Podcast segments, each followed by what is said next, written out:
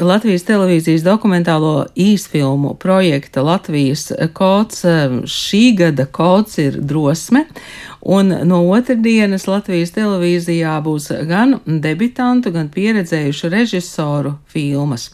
Latvijas kods darbojas jau desmit gadus, un šodien studijā ir projekta vadītāja Zana Valeniece. Labdien! Labdien! Režisori Betija Zvejniece, kas debitē Labdien! Labdien. Un pieredzējis režisors Ivars Zviedris. Labdien! Labrīt! Kāpēc vispār sākās Latvijas kods? Droši vien, ka Zana var izstāstīt, um, kāda bija tā motivācija toreiz pirms desmit gadiem. Jā, patiešām Latvijas kodam ir desmit gadi, un uh, pirms desmit gadiem šo ideju aizsāka uh, vairāki cilvēki, gan no Latvijas televīzijas, gan no kinocentra, un tajā laikā bija sajūta, ka uh, mums pietrūkst uh, atgriezties pie kino formāta, kas ir kino kronika, un uh, tajā brīdī tad arī dzimta šī ideja par Latvijas kodu, kas um, ļoti veiksmīgā kārtā arī atrada savu ceļu, šo finansiālo ceļu caur kultūra kapitāla fonda konkursu, valstiski nozīmīgu pasākumu. Līdz ar to arī bija iespēja šādu projektu sākt realizēt jau pirms desmit gadiem.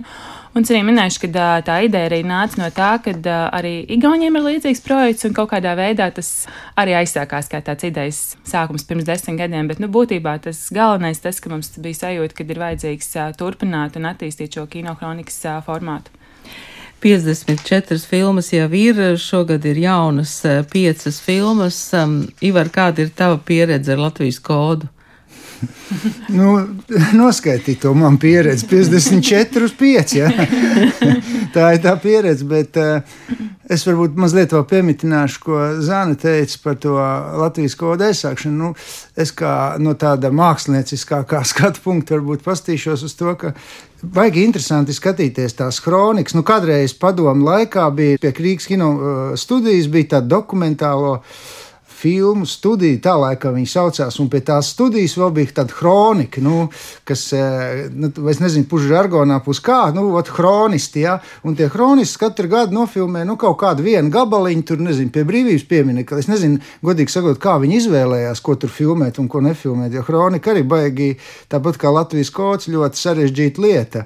Vai tā ir kronika, ko mēs filmējam, vai tas ir kaut kas, nu, kaut kāda pilnīga improvizācija pa kroniku, jo, nu, ja līdz puisis guļ desmit uh, gadus smorgā, tad varbūt ir kronika, bet varbūt nav. Tā kā, un ir interesanti, kā tādām filmu veidotājiem, ja tev jāaiziet uz kino foto arhīvu, ja, un paņemt to kronikas materiālu, kur ir, ir tas pieejams, ir tāds, ka tur ir filmēts desmit minūtes brīvības piemineklis, piemēram. Un savulaik es taisot filmu par Leonīdu Vīgneru, es gribēju savākt visus filmējumus pie brīvības pieminekļa. Un nekas nav jādara, jāuzliek attiecīgi tikai kamera, un tu vari skatīties, kā tur tā mode mainās, kā tur cilvēki iet, kā mašīnas brauc un tā tā. tā. Un tādā ziņā tā kronika, jā nu, kas ir Latvijas kods, tā ir kronika vai nē, tas ir ļoti eh, tas jautājums, par kur mēs varam parunāt. Jā, jā nu es domāju, ka tajā laikā, par kur tu runā, droši vien bija ļoti daudz ideoloģisku apsvērumu, kāpēc kaut ko filmē vai, vai nefilmē.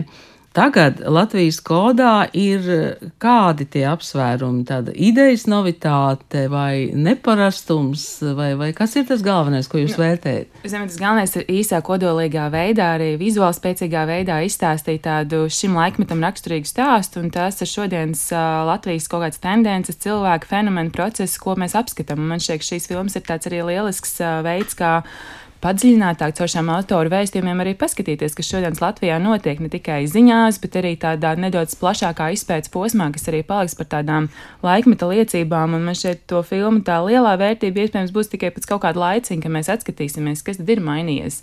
Vai kaut kādi procesi ir mainījušies, vai nav, vai mums ir nākamās laikmeta liecības, vai kā, bet tā galvenā doma ir tiešām fiksēt to, to šodienu, jo viss mainās tik strauji, ka mēs pat nespējam atcerēties, kas vakar notika. Man šķiet, ka tā šodienas fiksācija ir ārkārtīgi būtiska, domājot vispār par procesiem daudz, daudz plašāk, kas šobrīd notiek. Līdz ar to Latvijas kronika varētu būt tikai tāds grūdienis, ar ko ir radies Latvijas kods. Betija Zvejniece, šī jums ir debijas filma jāsaka par tādu cilvēku fenomenu. Mēs, mēs šorīt arī redakcijā runājām, ka Einārs Pelšs jau nu nav tas cilvēks, kas tā viegli padodas, lai viņu filmē, lai viņu intervē un tā tālāk. Kāds bija tas jūsu ceļš, lai Einārs Pelšs vispār ar jums runātu? Nu, patiesībā bija diezgan smieklīgi, jo tas viss notika aiz pārpratuma. Es viņam uzrakstīju, jo nu, es lasu dzēju, un kaut kā domājot par to, ko skolā varētu filmēt tajā dokumentālajā gadā, es nolēmu, ka es varētu jautāt viņam, un es uzrakstīju tādu ļoti pieklājīgu ziņu, izskaidrojot situāciju, un kas es esmu, un ka es gribētu ar viņu iepazīties, ar domu, ka varētu par viņu filmēt filmu. Un viņš uzrakstīja ar lieliem burtiem, dabai māsiņu. Un tad mēs tā kā nu, sarunājām, ka es aizbraucu pie viņu uz prēļiem, un es pat tur nakšņoju. Un izrādās, ka tad, kad es atbraucu, viņam šķita, ka viņš mani zina, bet viņš bija sajaucis mani ar kādu citu. Un tas bija vienīgais iemesls, iemesls, kāpēc viņš piekrita, ka es atbraucu pie viņa. Nu, tā kā es rakstu dzēju, viņš bija ļoti nu, labvēlīgs pret mani, un tieši tas bija tas, uh, jā, kāpēc viņš piekrita. Un tad, jā, un tad, kad es viņu intervēju tajās pirmajās reizēs, tad viņš teica, lai es nodrukāju to interviju. Tad vienmēr, kad kāds prasīs viņam interviju, tad tā būs tā. Jā, starp citu, par Eināru Pelšu saka, ka ar viņu vispār nevar sarunāties pa mobilo telefonu, tikai rakstīt īziņas. Domāju, tas arī varētu būt pārbaudījums. Tikai messengerī. Tikai, jā, vai ne? Jā. jā.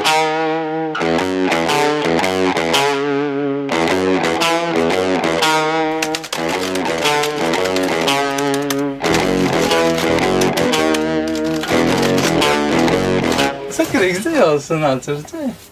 Nosaukums lielāks nekā, nekā tas tur paskaidrojums. Mēs dakšu pazaudējām bibliotēku. Ah, jā? Jā, dakšu jau atradās. Čau, čau. Jā, šo divos pamodos izdomāju apmēram scenāriju.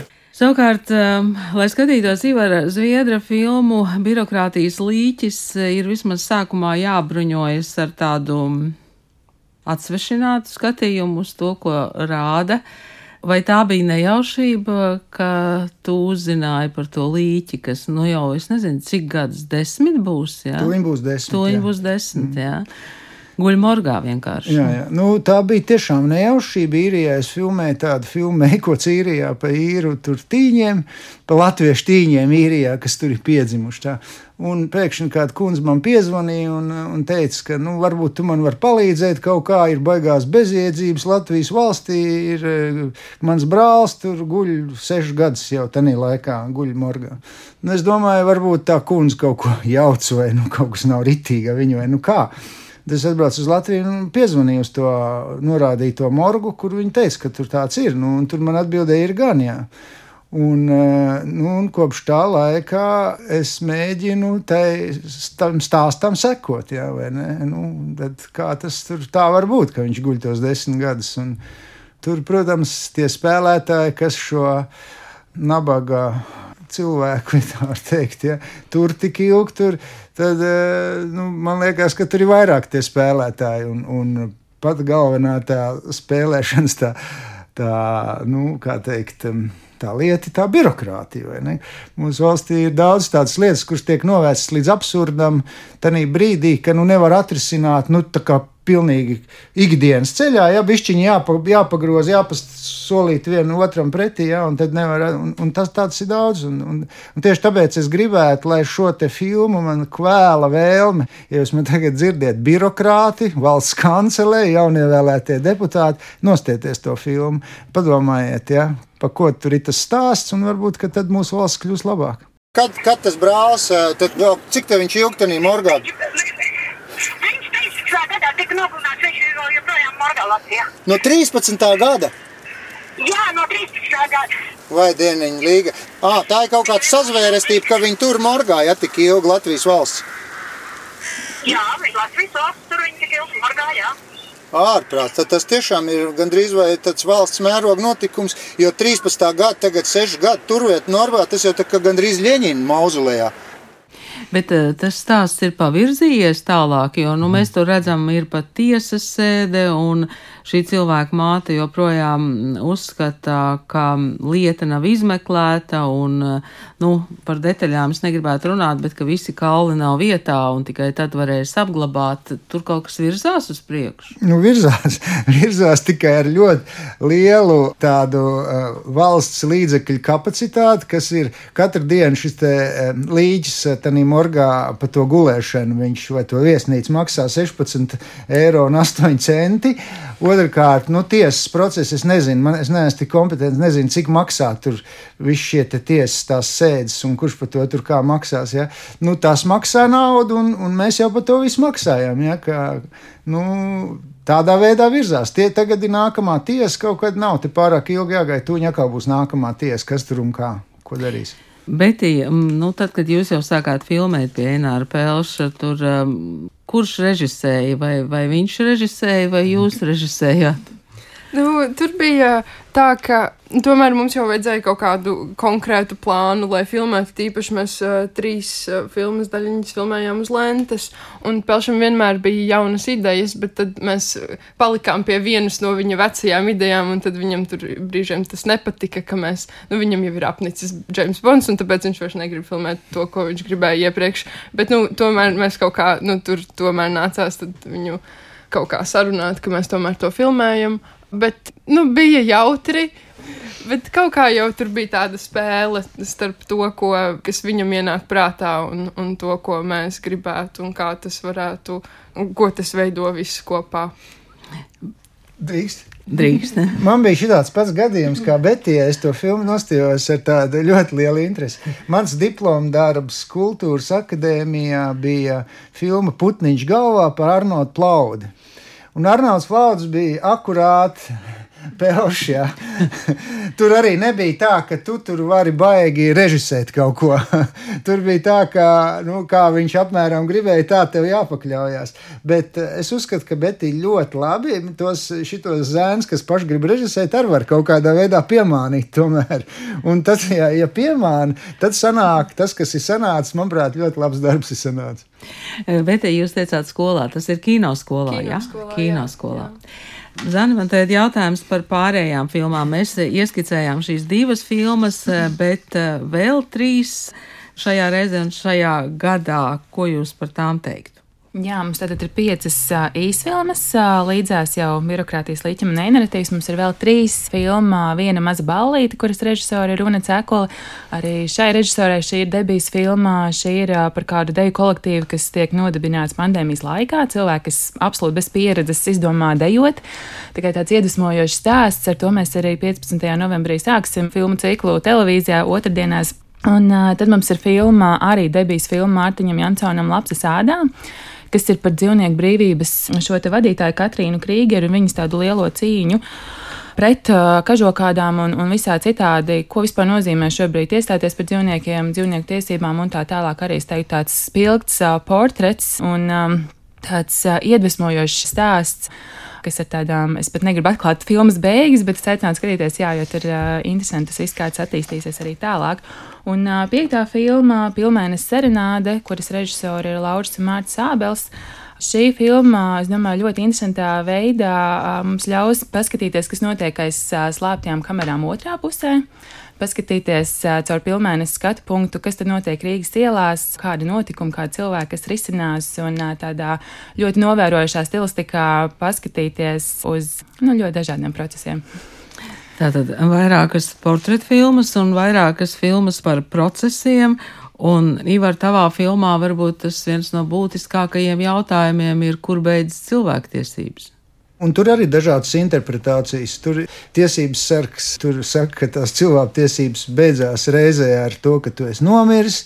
Turklāt uh, prokurori saka, ka nu, tālu už nav, jo satversmes 93. pāns tomēr saka, ka cilvēktiesības ir arī tev pēc nāves. Nu, un te mēs redzam, kāda nu, nu, tas ir. Tas mazliet tas birokrātijas eh, tāda vesma visu laiku. Tajā filmā mēs centāmies to birokrātijas dvēsmu tajā filmā turēt nu, lai viņi ir jūtami visu laiku. Ja. Betī, kad būs eh, filmas pirmizrāde jūsu filmai? Pirmizrāde bija notika jau kinoteātrī. Jā, jā, jā, jā, visām filmām kopā. Tātad eh, jūs visi arī noskatījāties pārējās filmas, jā? Ja? Kāpēc mums ir tā kino pirmizrāde svarīga? Jo tas ir vienīgais brīdis, kad mēs varam noskatīties visas piecas filmas kopā. Tas ir tādi, mēs to saucam par kino svētkiem pašiem filmu veidotājiem un arī mums, kas veido šo projektu. Jo pēc tam filmas tiek rādītas tad, tad nedēļas plānojumu vienu filmu nedēļā, bet man šeit tā īstā Latvijas kodas sajūta radās tad, kad mēs noskatāmies visas filmas kopā, un tad ir tā sajūta, kas tad šogad ir noticis, kas tad ir tas Latvijas kods tieši šogad. Nu, labi, jūs noskatījāties visas piecas filmas, un kāda ir sajūta pēc tam?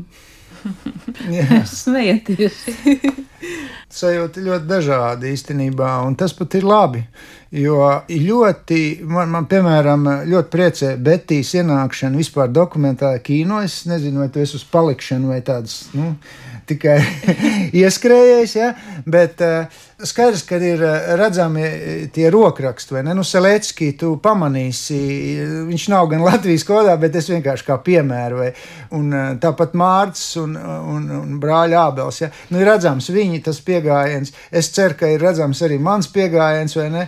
Un tādā ziņā tas kods arī ir. Uh, Nu, kā, ir, ir tādi režisori, kas taisīs tikai filmu, tur kaut kādu ļoti apdomīgu vai kādu, bet kods ir ļoti raibs, un tas raibums, un tas ir arī tas stiprums tam kodam. Ja, ka tu tieši tā kā Zāna teica, noskatoties šo te kopumu, tu redz, cik mēs esam ne tikai tā Latvija un viņas kods, bet cik mūsu pašu kods ir dažāds, un, un, un tas, man liekas, ir, ja kāds skatītājs viņus arī skatās, nu, tā televīzijā ik pa nedēļai. Ja? Es domāju, viņš arī dabūna to sajūtu, tādu to raibo sajūtu Latvijas. Nu, tas, man liekas, ir tas kaut trumps. Bet tā jūsu sajūta pēc piecām filmām noskatoties? Kaut kā ļoti līdzīga, bet uh, nu, tomēr interesanti, ka um, nu, sākot veidot šī gada programmu, nebija jau tas kaut kāds vienojošais vadmotīvs, bet uh, kaut kā tomēr, uh, noskatoties visus uzreiz, tā, tā drosme vai kaut kāda tāda brīvības tēma, man liekas, šo, nu, šogad ir tā aktuālā un kas ir interesanti to novērot. Jā. Jūs uz palikšanu dokumentālajā kīnā? nu, cerams. Filmējiet jau kaut ko, ja ir idejas? Uh, tagad man ir pēdējais gads uh, kinoskolā, un šogad uh, būs spēļu filma, īsfilma, bet uh, es domāju, ka dokumentālais kino man uh, tā dzīve liekas daudz interesantāka. Ivar, un ko tu filmē? Kam tu tagad seko, lūdzu? es, es savu kodu turpinu. Nu, es filmēju, man, man jābeidz ir filma pa kapračiem, pa kapraču profesiju, un es uh, tagad diezgan, nu, tur ņemos ar to. Un tad vēl otrs uh, ļoti interesants stāsts, manuprāt, ir. Uh, Es filmēju alūksnē vienu kundzīti, kam 30 gadus vēdā bija tas ķirurģa instruments, kočers vai pēāns, viņa saucās. Un, un otra kundzīte turpat blakus ir uh, Austrijas kundze, kas ir astoņkārtēji pasaules čempione izpletņu lēkšanā. Viņas savukārt ir nodibinājuši tādu tā tādu alūksnes pensionāru komūnu, nu, kas uh, menedžē pensionāru dzīvi neformāli, neformāli tādā biedrībā. Viņi nav nekādi. Palīdz vienam onklītim aizbraukt uz dušām, tad tur aiziet uz tirgu, nopērk kaut ko, aiznest tur un nu, vienu otru tur pamasē tad tur tas, tas nu, apmēram stāsts par tiem alūksnes pensionāriem. Nu, es nezinu, vai tur nāks arī vēl klātīt tas padomu jauniešu, jo viņi bija kādreiz daudz sološie padomu jaunieši. Pagājušā gada 70. gadiem, kur bija daudz sološi, tur izpletni liecēja, kur lec un tos filmu uzraksts slava tur partijai, viņi turēja un lec lejā izpletnē un šito.